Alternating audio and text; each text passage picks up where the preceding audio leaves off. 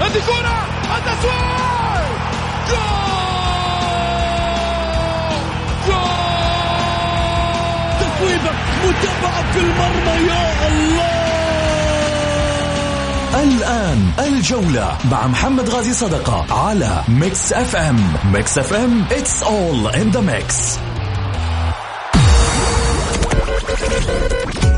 هذه الساعة برعاية موقع شوت عيش الكورة مع شوت عيش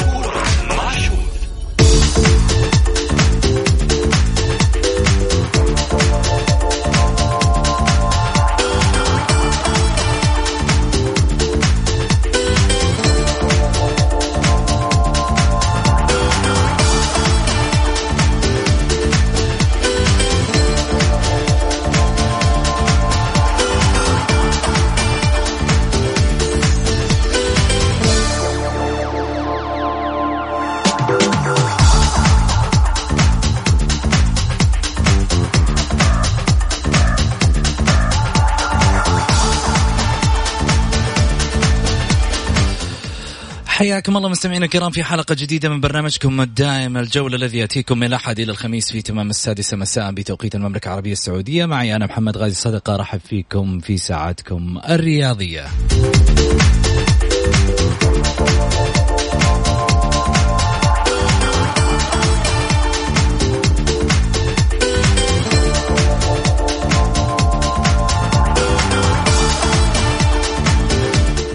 من خلال ساعتكم الرياضية بإمكانكم المشاركة عبر واتساب صفر خمسة أربعة ثمانية, ثمانية واحد, واحد سبعة صفر صفر.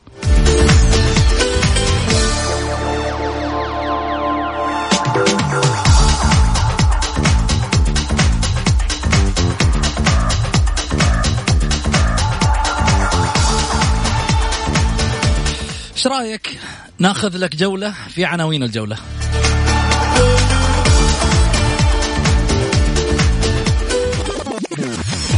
العناوين. عناوين الجولة. قرار تقليص عدد اللاعبين الأجانب من ثمانية إلى سبعة. ماذا سيؤثر على اللاعب المحلي والنادي والمنتخب؟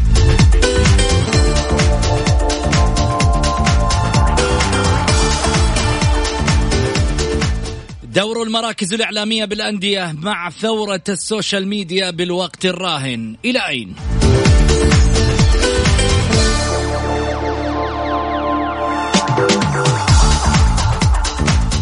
وفي استفتاء الحلقة. من أكثر الأندية بالقصيم جماهيرية؟ التعاون من رايد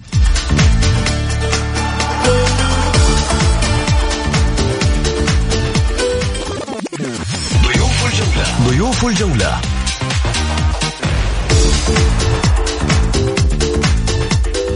ما باليد حيلة طاولة الجولة اليوم ثقيلة.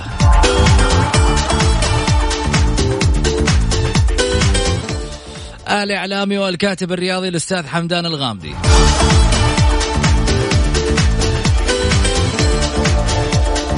مدير المركز الإعلامي سابقا بنادي الشباب وكذلك أيضا الكاتب والإعلامي المعروف الأستاذ سامي اليوسف.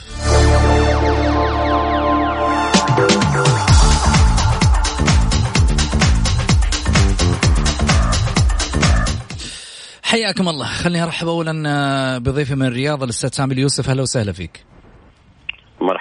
سعود حياك الله وامسي عليك وعلى الزميل حمدان. والمستمعين الكرام أتمنى نكون ضيف خفيف ومفيد. بس في البداية اسمح لي يعني أتقدم بحر التعازي لرئيس نادي النصر السابق الأستاذ سعود السويلم بوفاة والدي رحمه الله. وأدعو له بالرحمة والمغفرة والثبات وأن يجعل مثواه الجنة إن شاء الله. اللهم آمين إن شاء الله هو وموتى المسلمين أجمعين. أستاذ حمدان الغامدي آه، الكاتب الرياضي أيضا كذلك. أهلا وسهلا فيك. أهلا وسهلا زميل محمد مساء الخير عليك مساء الخير على الزميل العزيز سامي وسعيد حقيقة بتواجد في إطلالة أولى معاه. وإن شاء الله نقدم للجولة وجمهور الجولة كل ما يتطلع إليه. وإن شاء الله نكون على مسافة واحدة من الحياد. شكرا زميل محمد. بإذن الله طبعا ننقل تعازينا أكيد آه، باسم فريق عمل الجولة بال- بالكامل للأستاذ سعود السويلم آه، رئيس نادي النصر الأسبق في وفاة والده آه، الشيخ محمد السويلم رحمة الله عليه آه، آمين من الله سبحانه وتعالى ان يتغشاه في جنانه ورحمته أكيد.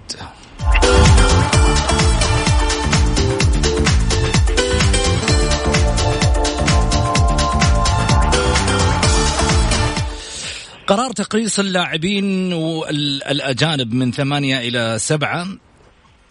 هذا القرار ربما استبشر فيه اللاعبين السعوديين كثيرا بالفترة الماضية خاصة بعد يعني فترة من غياب اللاعب السعودي. خليني أقول أنه كثير من اللاعبين ربما على مستوى كرة القدم افتقدناهم. في كثير من اللاعبين همشوا كثير من اللاعبين تضرروا. بالنسبة للاعبين السعوديين أو اللاعبين المحليين. خلينا نتكلم على مستوى أيضا المنتخب. إيش صار في المنتخب؟ إلى الحين إحنا بعد بطولة آسيا آه موقفين مكانك سر. بالتالي مش شايفين الوجهة فين رايحة. إيش راح نسوي في السنوات القادمة؟ وين وين دورينا راح يكون ترتيبه و و وإمكانياته في السنوات المقبلة؟ آه إضافة على ذلك على مستوى الأندية. هل اللاعب المحلي هذا راح يكون شعلة ودينامو مثل ما كان في السابق محرك أساسي لبعض الأندية والأسماء متوهجة على صعيد الكرة السعودية؟ أم اللاعب الأجنبي سيكون له الحصة الأكبر مثل الموسم الماضي اللي شاهدناه طبعا من خلال دورينا أنها تغيرت الوجهة كاملة للاعبين الأجانب. أصبح حتى الأندية لما تيجي تقول له عندي لاعب سوبر محلي تقول لك ما أبغاه عندي لاعب أجنبي أبغى أجيبه. السؤال هنا اللي بطرحه يمكن على آه، الأستاذ سامي اللي ليوسف. قرار تقليص عدد اللاعبين الأجانب من ثمانية إلى سبعة ماذا سيؤثر على اللاعب المحلي والنادي والمنتخب؟ آه طبعا سؤال مهم. آه تجربة اللاعبين الأجانب كان الموسم الماضي ثمانية لاعبين كانت مفاجئة. خلص العدد في قبل بداية الموسم بقرار إلى سبعة لاعبين، طبعا ما في فرق كبير بين الثمانية والسبعة مجرد لاعب واحد، لكن عشان نكون موضوعيين أكثر يجب أن نرى المشكلة أو نفككها. إذا كانت مشكلة معنا صح يعني معني أنا ما أشوف مشكلة كبيرة. إن لنعرف الأطراف أو الأركان لهذه المشكلة، النادي آه، متمثلا آه، بخزينة النادي بفريق النادي اللي هو كرة القدم باللاعب السعودي نفسه وأيضا اللاعب أو المنتخب. آه، من ناحية الإيجابيات والسلبيات يمكن أنا أقول إنه الموسم الماضي شاهدنا شعور بالمنافسة الحقيقية حقيقة من اللاعب المحلي مع اللاعب الأجنبي لإثبات الذات الالتزام الانضباطية الحرص على رفع المستوى عشان يغادر دكة الاحتياط ويثبت نفسه اساسيا يمكن عندنا يمكن أستشهد بمثالين قويين حقيقة. المثال الأول كان لاعب الهلال المعار آه، متعب المفرج اللي تفوق على نفسه وعلى زميله المدافع ماتشادو في نادي التعاون. وأجبر المدرب البرتغالي إيمانويل الا يعتمد عليه. أيضا في الهلال أنا أعتقد أنه تجربة عبد الله المعيوف في نهاية الموسم استطاع أن ينتزع الخانة من علي الحبسي. علي الحبسي يعني رقم واسم معروف في عالم كره القدم وخانه الحراسة ويثبت نفسه بمنافسة قوية. هذا بالنسبة على صعيد اللاعب. لو جينا مستوى كرة القدم السعودية أو الفريق لاحظ أنه المنافسة اتسعت. في هنالك فرق جديدة مثل الآن التعاون ظهر لنا كبطل. نعم. قدم نفسه كبطل بوجود اللاعبين الأجانب. لاحظ مثلا عدد كبير. نعم. أج يعني أجبروا الأندية الأخرى على أنه التعاون يفرض نفسه ويكون أحد الأبطال. أيضا آه بالتالي ينعكس على مثل آه، ما نعرف أنه يعني المنافسة الإثارة المتابعة. أيضا مثل ما قلت لك الاحتكاك. أيضا وجود لاعبين على مستوى عالي وأسماء كبيرة تحضر في الدوري السعودي. تقلص الفارق. ما يصير في جاب كبير بين اللاعب بين الفرق الصغيرة والكبيرة. المنطقة الوسط هذه بدأت تضمحل أو تتقلص. مدارس تدريبية مختلفة بوجود هؤلاء اللاعبين. هذا من الناحيه الإيجابية لكن لو تحدثنا عشان يكون مثل ما قلت لك يعني في البداية موضوعيين أتحدث عن الجانب السلبي، الجانب السلبي إنه في تكلفة مادية وقيمة مادية كبيرة جدا. الموسم الماضي تكفلت الهيئة باللاعبين الأجانب وتعاقداتهم، السنة هذه أعلنت الهيئة عن توفير رقم معين تقريبا 100 مليون لكل نادي بالتساوي للدفع على مثل هذه الصفقات سواء المحلية أو الأجنبية، اذا من المساوئ أو من السلبيات التكاليف المادية الباهظة. الأمر الآخر إنه تأثير على بعض الخانات مثل الحراسة مثلا. أصبحنا نعاني في جانب الحراسة. اصبحنا أصبحنا نعاني في مجال أو في خانة آه، رأس الحربة. وهذه انعكاساتها كبيرة على مشاركات المنتخب السعودي. ومثل ما تفضلت أنت مع إنه طبعا أنا ارى أن مشكلة المنتخب ليست في اللاعب فقط يعني أو عدم توفر لاعبين في خانات معينة، هي مشكلة إدارية بحتة، كيف تتعاقد مع المدرب المناسب، متى تشكل فريق إعداد، من هو اللي يقود المنتخب اداريا؟ وما إلى ذلك، ولكن في حقيقة أو جانب يعني يعني واقعي إنه تأثر المنتخب في بعض الخانات، أيضا كان في فرصة للسماسره الدخول يعني أو إنهم يضعون لهم يعني موضع قدم بحيث إنه اللاعب الأجنبي مثلا اللي في الدوري الصيني أو الدوري غير السعودي تلقاه يتواجد بمبلغ محدد لكن عندما يستقطبه النادي السعودي أو الأندية السعودية يرتفع السعر يمكن إلى الضعف. بعض الصفقات حقيقة لم يستفد منها الأندية بالعكس خسر ماديا ولم يستفد فنيا هذا يمكن رأيي بشكل مختصر. أستاذ حمدان خلني أعمم آه، سؤالك محمد على على كافة الدرجات عندنا في نعم. دوري المحترفين وأيضا في دوري الدرجة الأولى ودوري الدرجة الثانية آه إحنا مثل ما ذكر الزميل عبد العزيز سامي, سامي. إنه آه، سامي نعم كان عندنا في الدوري سبعه لاعبين زائد اثنين مواليد وأيضا واحد محترف اللي هو الاحتياطي يجي بعد كذا دوري الدرجة الأولى سبعة أيضا زائد اثنين مواليد ودوري الدرجة الثانية اللي هو لاعبين محترفين زائد لاعب واحد. من ضمن القرارات أيضا اللي اتخذها الاتحاد السعودي في الفترة القريبة هذه من أسبوع تقريبا إحنا جانا في نادي الحجاز. الاستفسار أو الاستئناس برأي الإدارة كرئيس النادي وأعضاء مجلس الإدارة إمكانية استمرار الأجانب هذولي من عدمهم وهل القرار صائب أو لا؟ حقيقة باركنا هذا القرار وشفنا أنه آه، اللاعبين الثلاثة أضافوا أضافوا للفريق الشيء الكثير مع التعديل أيضا. حصل تعديل. صارت دوري الدرجة الأولى آه، أربعة لاعبين بدل سبعة زائد اثنين مواليد آه، عفوا زائد واحد مواليد. وفي دوري الدرجة الثانية صار تعديل اثنين محترفين زائد اثنين مواليد بدل ما كان آه، لاعب واحد. في دليل على أنه هذا يعتبر من أهم القرارات اللي بالنسبة لي حدثت الموسم الماضي وعمل حراك كبير. أي تغيير يحدث في الوسط الرياضي على المستوى الفني دائما ما يترك جدل كبير ولكن لو رجعنا لأكثر من عشر سنوات وشفنا الأهلي الهلال النصر الاتحاد كان يزخر حقيقة بالمواهب والنجوم وكانت الجماهير تزحف إلى الملاعب من أجل مشاهدة هؤلاء النجوم وتحقيق نتائج جيدة وتحقيق مستويات جيدة حتى في حالة الخسارة. الشيء في العشر سنوات الأخيرة هذه أصبح مفقود. تعال نبحث عن نجم في نادي سين.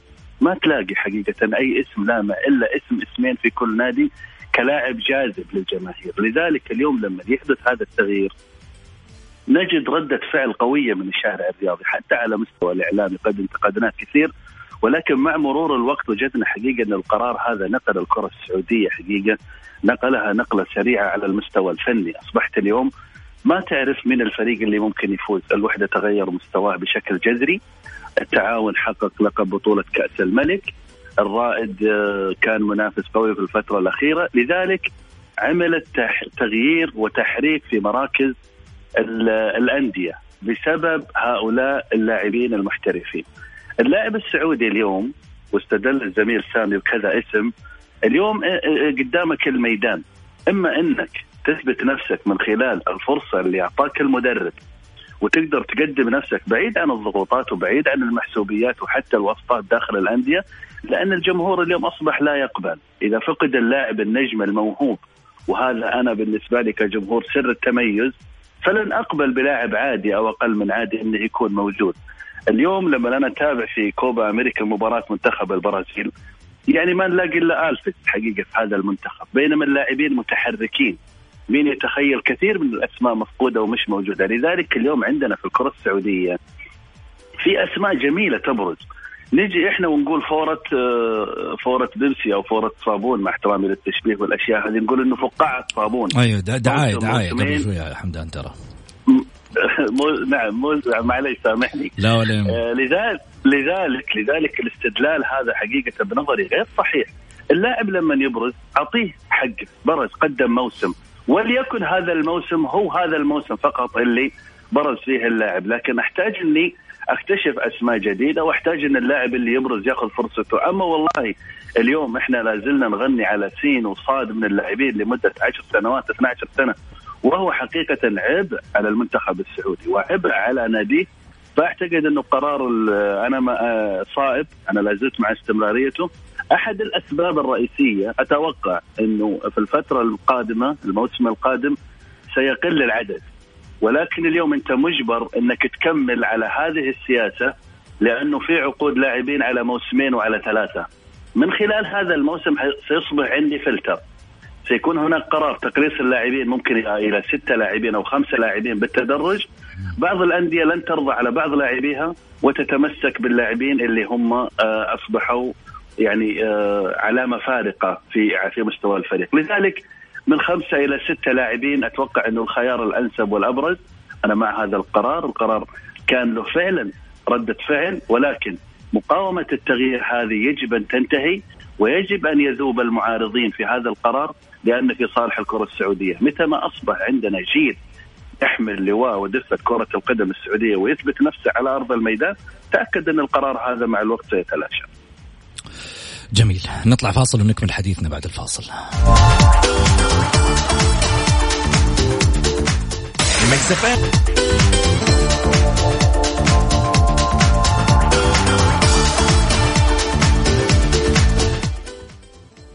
حياكم الله من جديد آه، طبعا آه، لازلنا في موضوعنا آه، الخاص بقرار تقليص اللاعبين الأجانب في ملاعب الكرة السعودية. سؤال بسالك يا سامي ليوسف إيش العائد من من تقليص العدد؟ هو مثل ما قلت لك ما في ذاك الفرق الكبير يعني ثمانية لاعبين إلى سبع لاعبين. لكن آه، قد يترك مساحة مثلا للاعب السعودي كإضافة لاعب للخريطة في أرضية الملعب؟ شوف الكورة الكورة الآن ابو سعود يعني أقولها لكل المستمعين والزميل آه، حمدان إنه الكره الآن في ملعب اللاعب السعودي. طبعا عندنا إحنا أمثلة مثل دوريات عالمية. يتواجد فيها لاعبين آه، أو يتواجد لاعبون نجوم. يعني مثلا عندك الدوري الأسباني الدوري الإنجليزي لم تتضرر هذه المنتخبات. كلنا شفنا يعني آه، كيف كان المنتخب الإنجليزي كيف قدم نفسه ونجوم الدوري الإنجليزي من الإنجليز نفسهم يعني. كذلك الدوري الأسباني. أيضا طرق اللعب اختلفت. يعني طرق اللعب أيضا. لم تعد يعني تبرز اللاعب السوبر ستار هنا الآن لا يعني يتواجد إلا يمكن مثلا بعض اللاعبين في بعض المنتخبات. يمكن لاحظ حتى المنتخبات يمكن ادائها الجماعي يطغى ويغيب النجوم.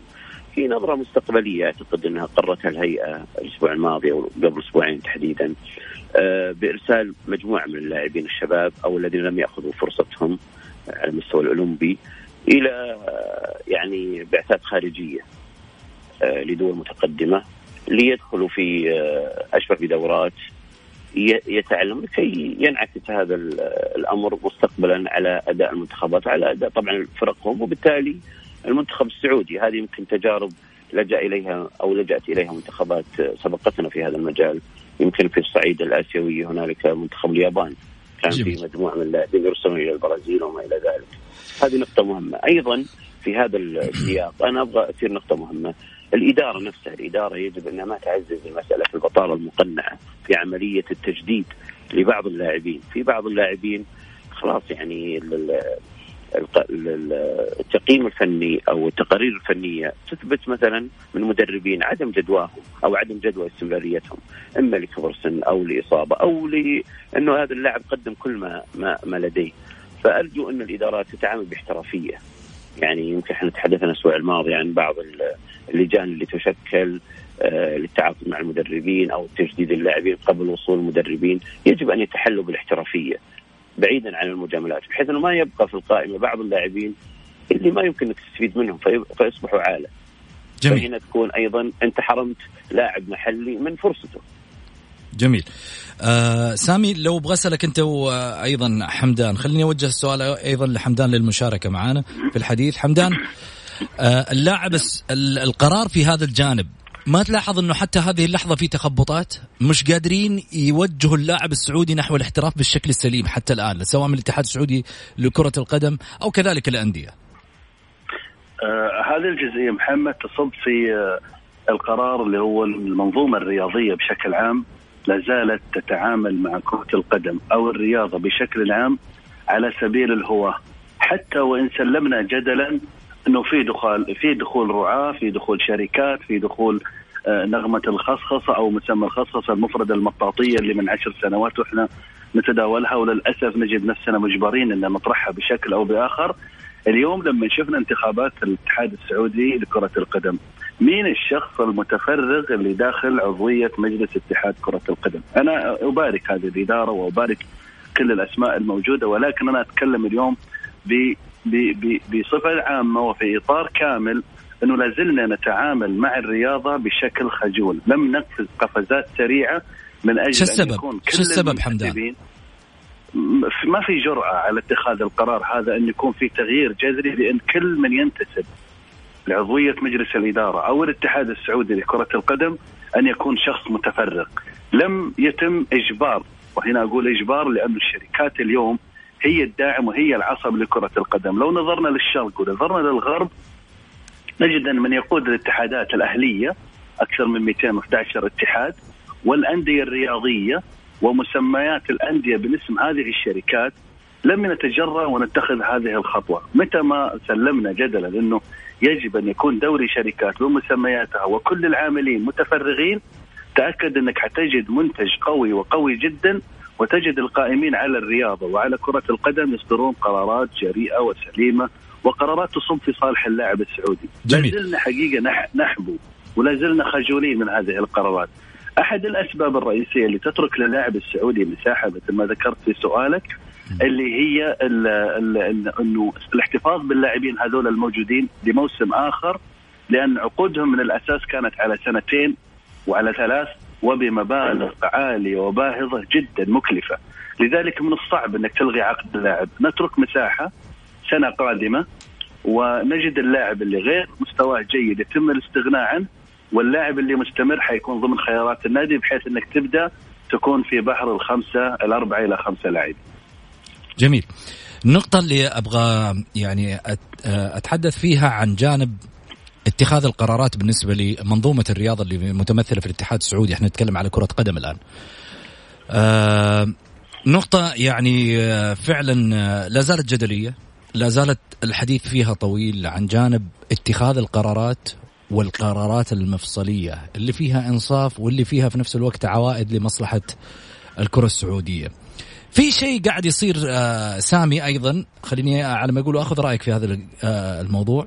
في شيء قاعد يصير يعني في داخل منظومة الكرة السعودية تشعر بأنه يعني آه بعض القرارات ما عنده القدرة الاتحاد السعودي أن يكون جريء فيها أو قوي فيها في الفترات السابقة، أنا لا أقصد الآن إدارة المسحل لأن إدارة المسحل الان جديدة وبالتالي نعم. لا يمكن الحديث عنها مسبقا باعتبار أن ننتظر إلى بداية الموسم ونشوف إلى منتصف الموسم إيش راح يصير مع الاتحاد السعودي لكرة القدم. لكن نكون واقعيين في الفترات الماضية مرت كذا إدارة على الاتحاد السعودي لكرة القدم لن تكن هناك قوة في القرار واتخاذ في القرار وجرأة كما ذكر أخوي حمدان في جانب معين. إنك تقدر أنت تتخذ قرار فيه فائده تتخذ قرار قوي. يعود لمصلحة هذا النادي أو مصلحة هذا الكيان أو مصلحة هذا أو مصلحة المنتخب أو مصلحة أي آه يعني آه جهة رياضية من الجهات اللي موجودة.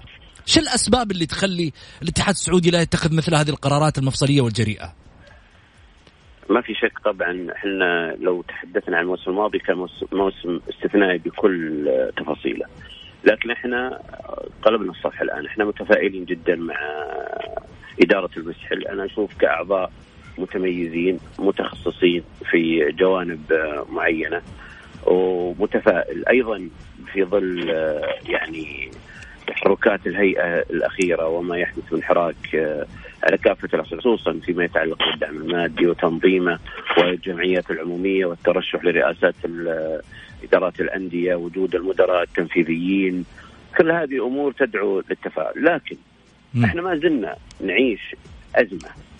الأزمة هذه أزمة إدارية. أزمة الكرة السعودية هي أزمة إدارية بحتة.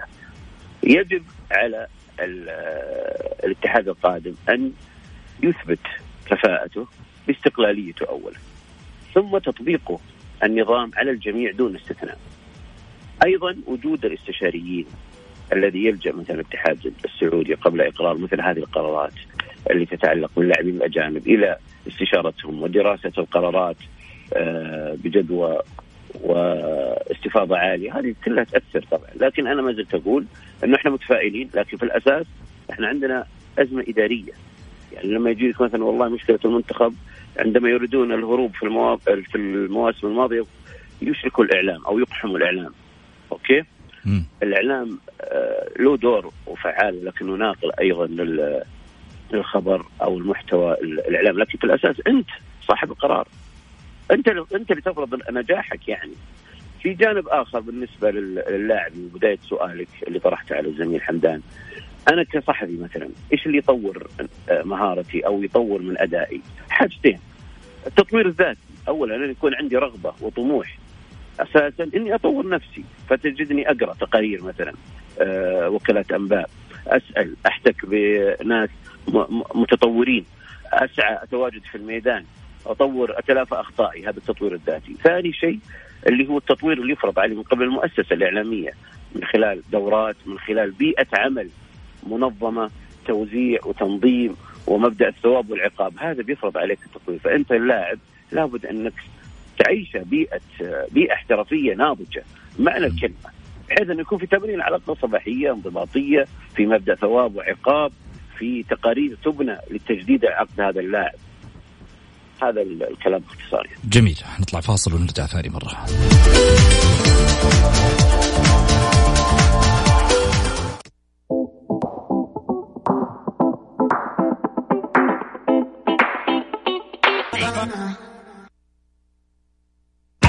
الجولة مع محمد غازي صدقة على Mix FM هي كلها في ال mix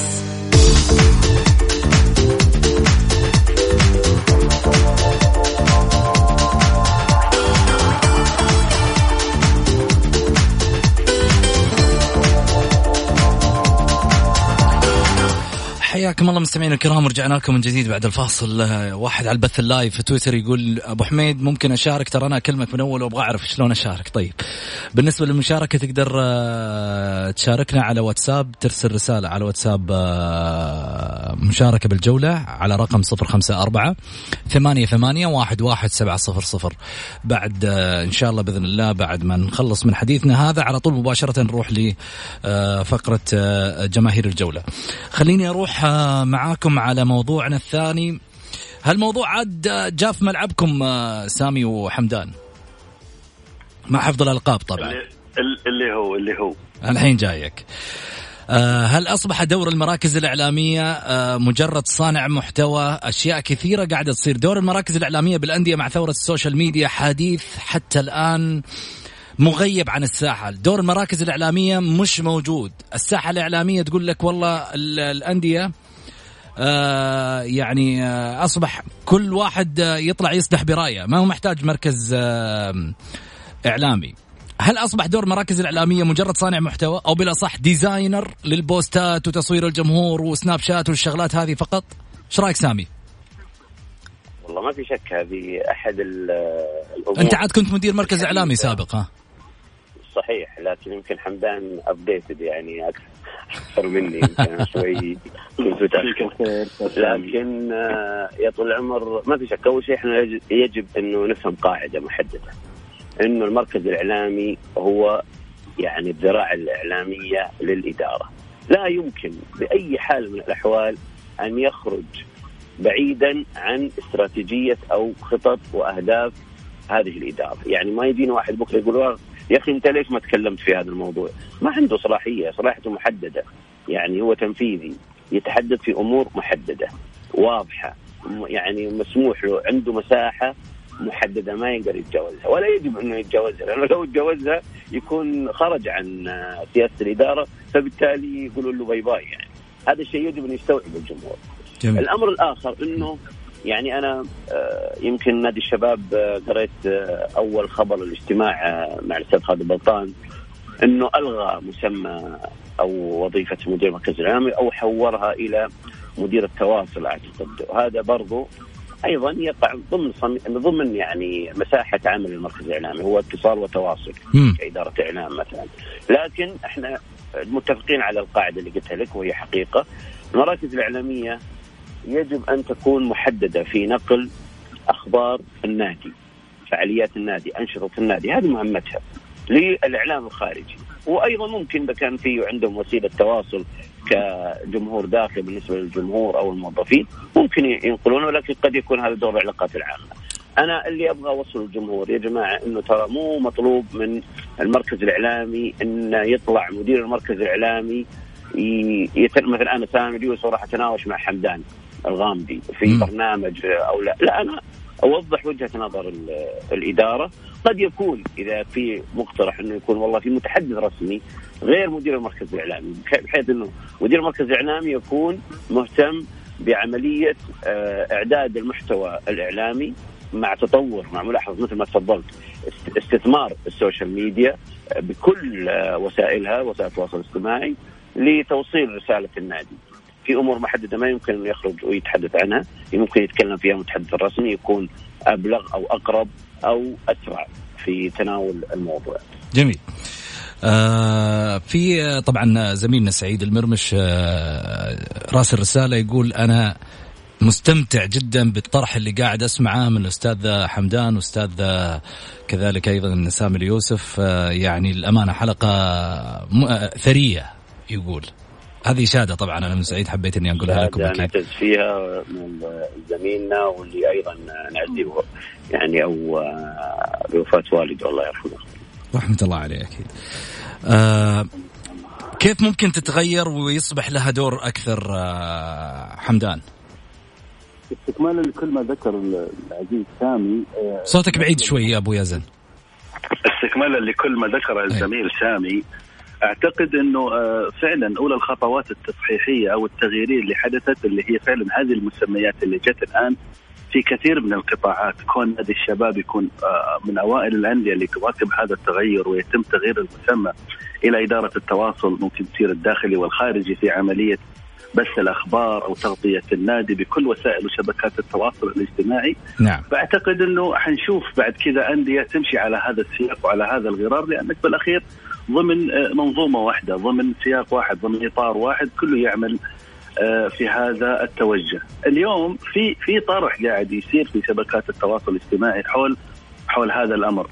إنه آه، جزء كبير من شباب اليوم الإعلاميين المتخصصين واللي مبدعين في شبكات التواصل الاجتماعي يستكثر الزميل العزيز اللي يعتبر أستاذ لنا بدون تحديد أسماء طبعا يستكثر على أنه كيف أصبح هذا الجيل جيل إعلامي؟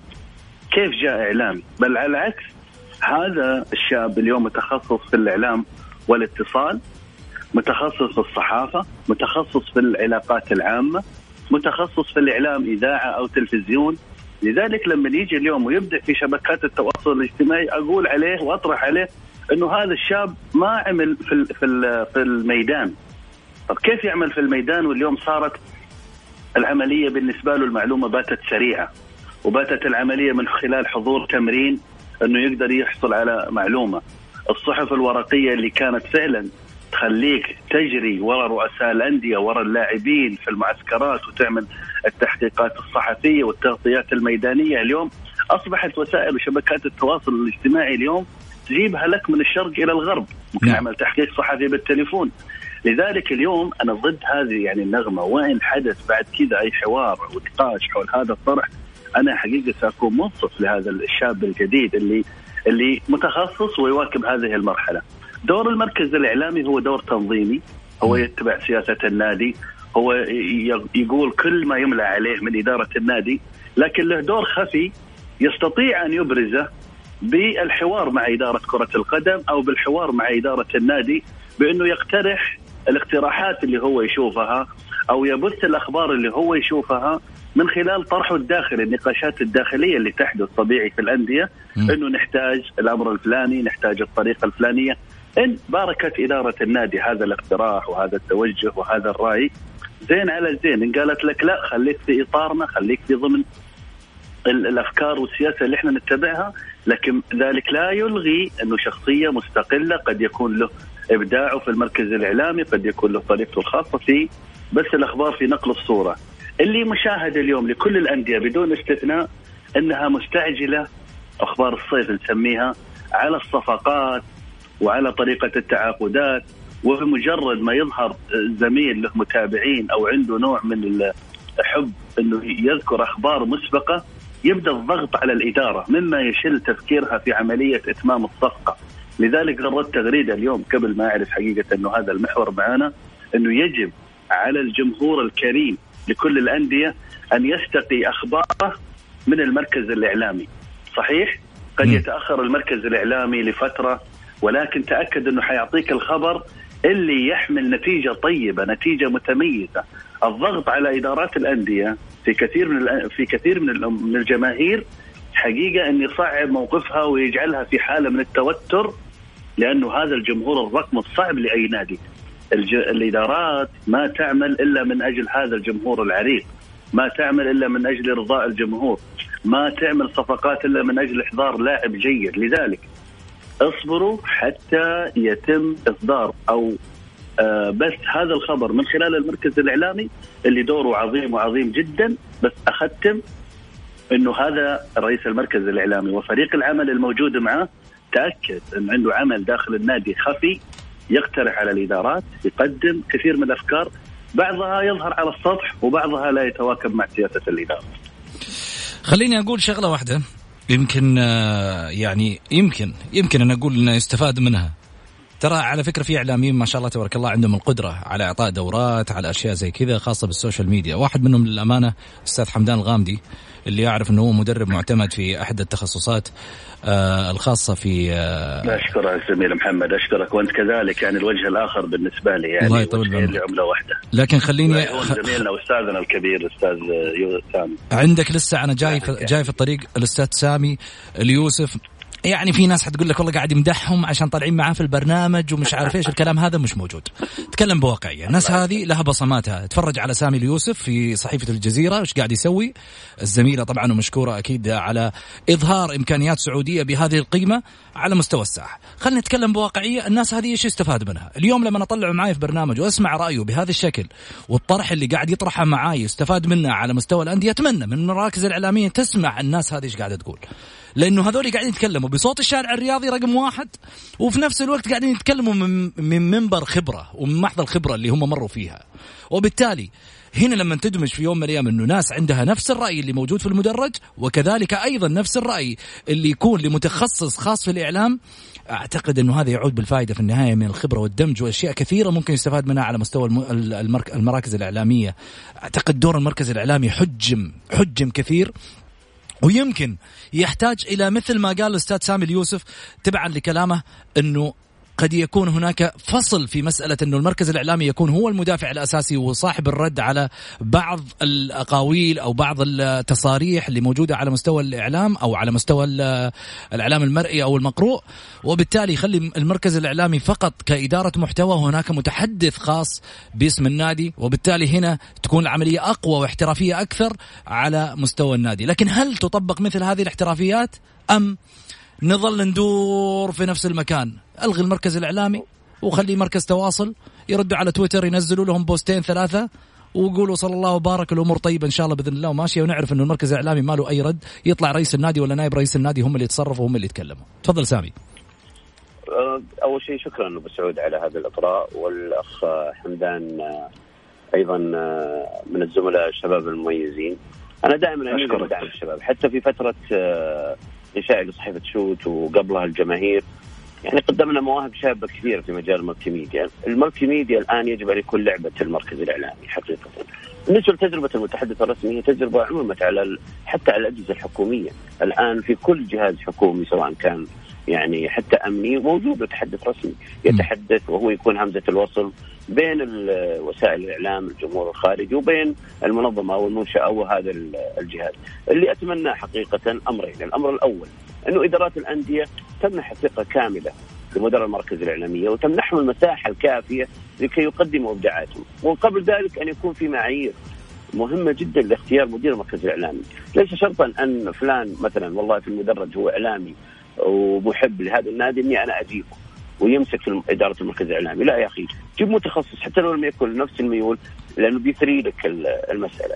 الأمر الآخر يجب على مدير المركز الإعلامي أو فريق عمل المركز الإعلامي وخصوصا الشباب إنهم يستثمروا يعني الاستثمار الأمثل لكل وسائل التواصل الاجتماعي بحيث هذه لعبتكم.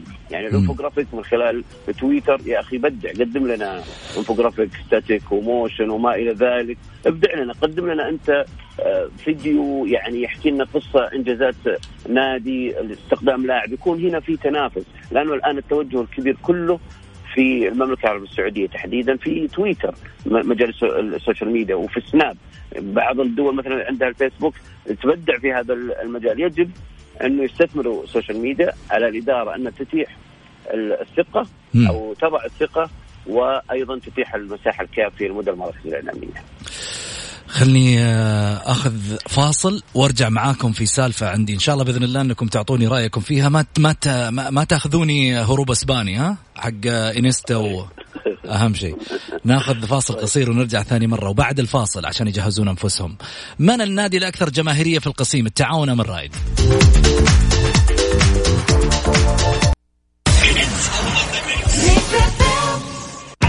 الجولة مع محمد غازي صدقة على Mix FM هي كلها في ال mix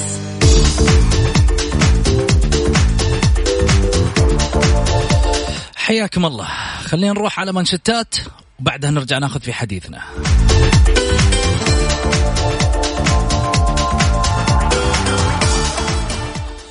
بالنصر أبواب مفتوحة ودفاتر مغلقة وقلق الجماهير على بطل الدوري أصبح على فوهة البركان. هل سيتم تكليف قائدا لبطل الدوري أم تغلق الأبواب بتصويت في أروقة العالمي؟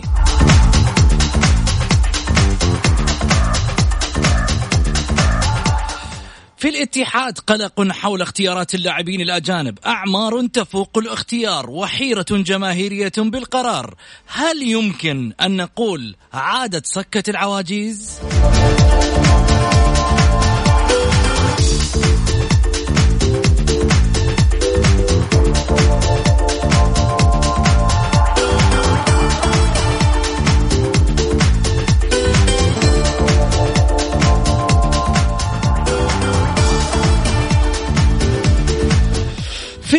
البحث عن صانع لعب أشبه بالبحث عن طائرة اختفت في مثلث برمودا هل أصبح من المستحيل تواجد صانع ألعاب بين سبعة مليارات على سطح الكرة الأرضية أليس هذا من الصعب يا أهلي؟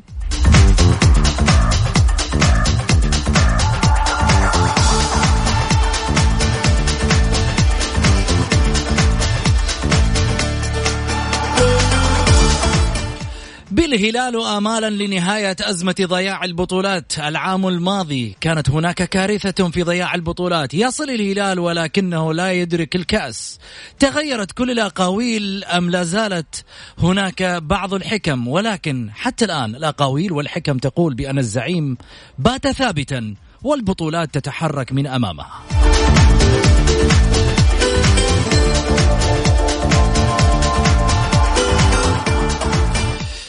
خلينا نرجع حق سامي وحمدان. سامي آه، عندك تعليق على شيء؟ منشتاتك آه، مثيرة جدا حقيقة. النصر الأهلي لكن بالنسبة للهلال آه، أعطك زعيم أجواء عادلة وخذ بطولة. ليش علقت على الهلال بس؟ ما علقت على البقية؟ لأن آخر واحد طيب حمدان.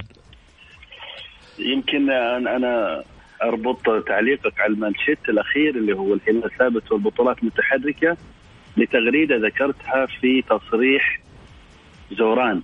لما ذكر إنه الهلال الوحيد اللي ينافس على أربع بطولات مثل مانشستر يونايتد فقط. في العالم عرفت وقتها البطولات ستتساقط من أمام الهلال وغردت فيها. لأنك لا يمكن أن تعمل بهذا الشكل وأنت. وأنت تفكر خارج الصندوق. إذا ثقتك قوية في فريقك وشغلك متميز واصل هذا الإنجاز وترجمة على أرض الواقع. أه، فقدت البطولات وفعلا العنوان يعني قد يكون أه، يعني مناسب مثل ما ذكرت لهذا التعليق على الأقل من وجهة نظري. أه، النصر فعلا عنده مشكلة كبيرة في موضوع الرئاسة. الأهلي السومه من أربع مواسم يطلب صانع ألعاب لم يحضر الأهلي اللاعب الجيد اللي فعلا يترجم هذه ال هذه الإمكانيات للسومة. كثير تمنوا لاعبين سعوديين أمثال الشلهوب أمثال عبد الفتاح عسيري ولكن جاء في وقت متأخر في الانويفا لاعب الاتحاد. فعلا الأهلي زلت في في صانع اللعب. قبل لا أنسى ولا يداهمني الوقت أنا أقول للزميل يوسف سامي اليوسف العزيز افتقدناك كثيرا على الشاشة واستمتع بطرحك وسعيد اليوم تواجدي معك. أقول للزميل سعيد المرمش أحسن الله عزاك في والدك كلمته واتصلت فيه ويعذر عدم تواجدي في مدينة جدة اني احضر العزاء. معذور وأقول لمحمد غازي وبرنامج الجولة شكرا لكم على هذا التميز اللي حقيقة تتحفون يوم ورا يوم بكل هذا التميز لمستمعي برنامج الجولة. جايينك بالمفاجات الحين لا تك... لا تك... شو اسمه سامي اليوسف لا تقول له وحشتنا في التلفزيون وهذا بكرة ترى ما عاد يجينا ها انتبه. لا أنا متابع أنا متابع للأستاذ سامي وافتقدته على الشاشة حقيقة. هذه من الشغلات يعني اللي أنا أفتقدها وطرحه الجميل و...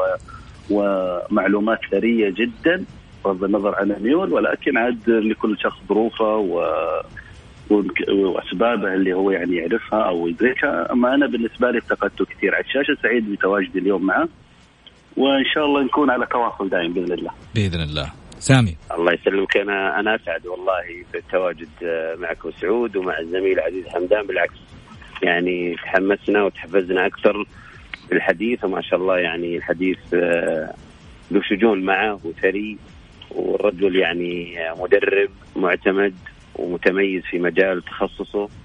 وأنا أشكر على هذه يعني الإطراء وما يفقد غالي إن شاء الله.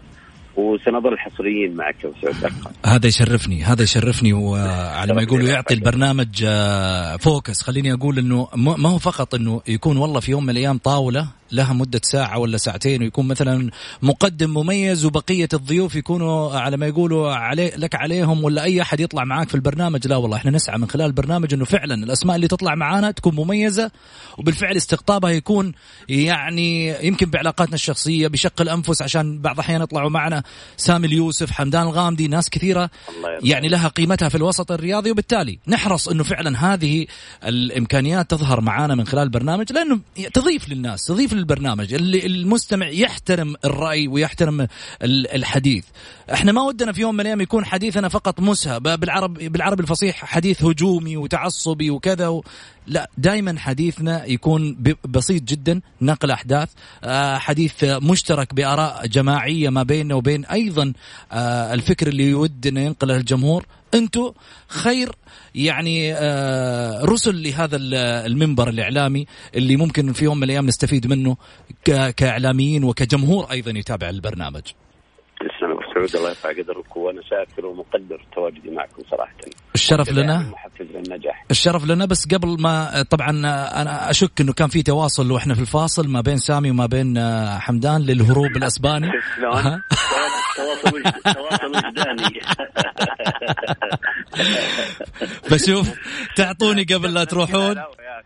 التعاون ام الرائد الأكثر جماهيرية ما راح أنسى. طبعا طبعا الجماهيرية آه، توقعتها للرائد بحكم ما إحنا نشوف حقيقة في في المباريات الجماهيرية وعبر التاريخ يعني.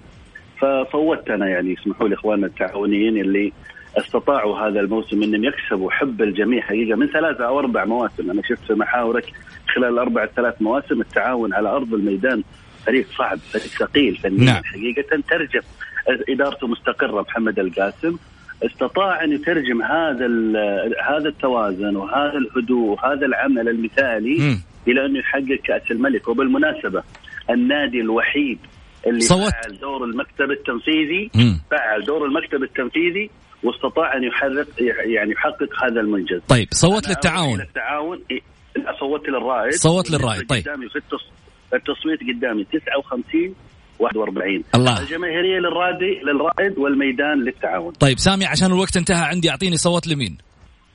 والله الرائد طبعا هو الأكثر شعبية لكن التعاون الآن يعيد ذكريات الاتفاق. هو النادي الثاني لكل مشجع سعودي يعني. لا زال لحديثنا بقية. نقول إن شاء الله بإذن الله غدا في حلقة جديدة. شكرا حمدان شكرا سامي اليوسف الإعلاميان القديران. وصلنا أيضا كذلك محمد الذروي في ال IT وكذلك أيضا في ال social media أمين بارجة والأستاذ مبارك الدوسري. نقول لكم في أمان الله غدا في نفس التوقيت.